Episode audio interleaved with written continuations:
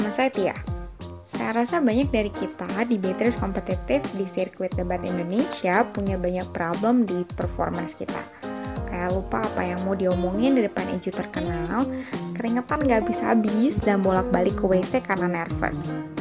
Saya ngerasain hal ini kok mungkin lebih parah dari yang kalian bayangkan.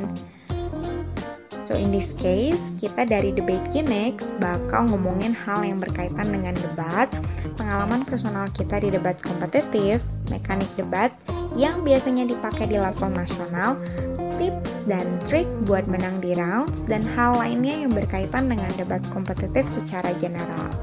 Tentu aja kita juga nggak akan ninggalin hal yang paling penting kenapa kita mau berdebat dan apa sih kegunaan debat dalam kehidupan sehari-hari.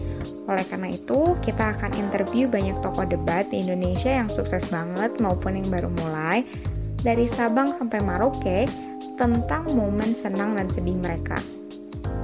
Dan juga kita akan ngobrolin topik-topik trending atau viral di Indonesia yang biasanya dilihat sebelah mata karena dianggap aneh, dianggap lucu, dianggap konyol, tapi ternyata memiliki nilai kontroversinya sendiri.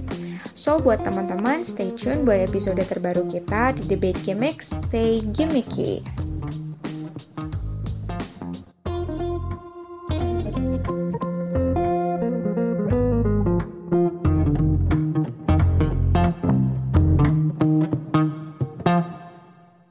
Musik yang digunakan di intro Debate Gimmicks diproduksi oleh bensound.com.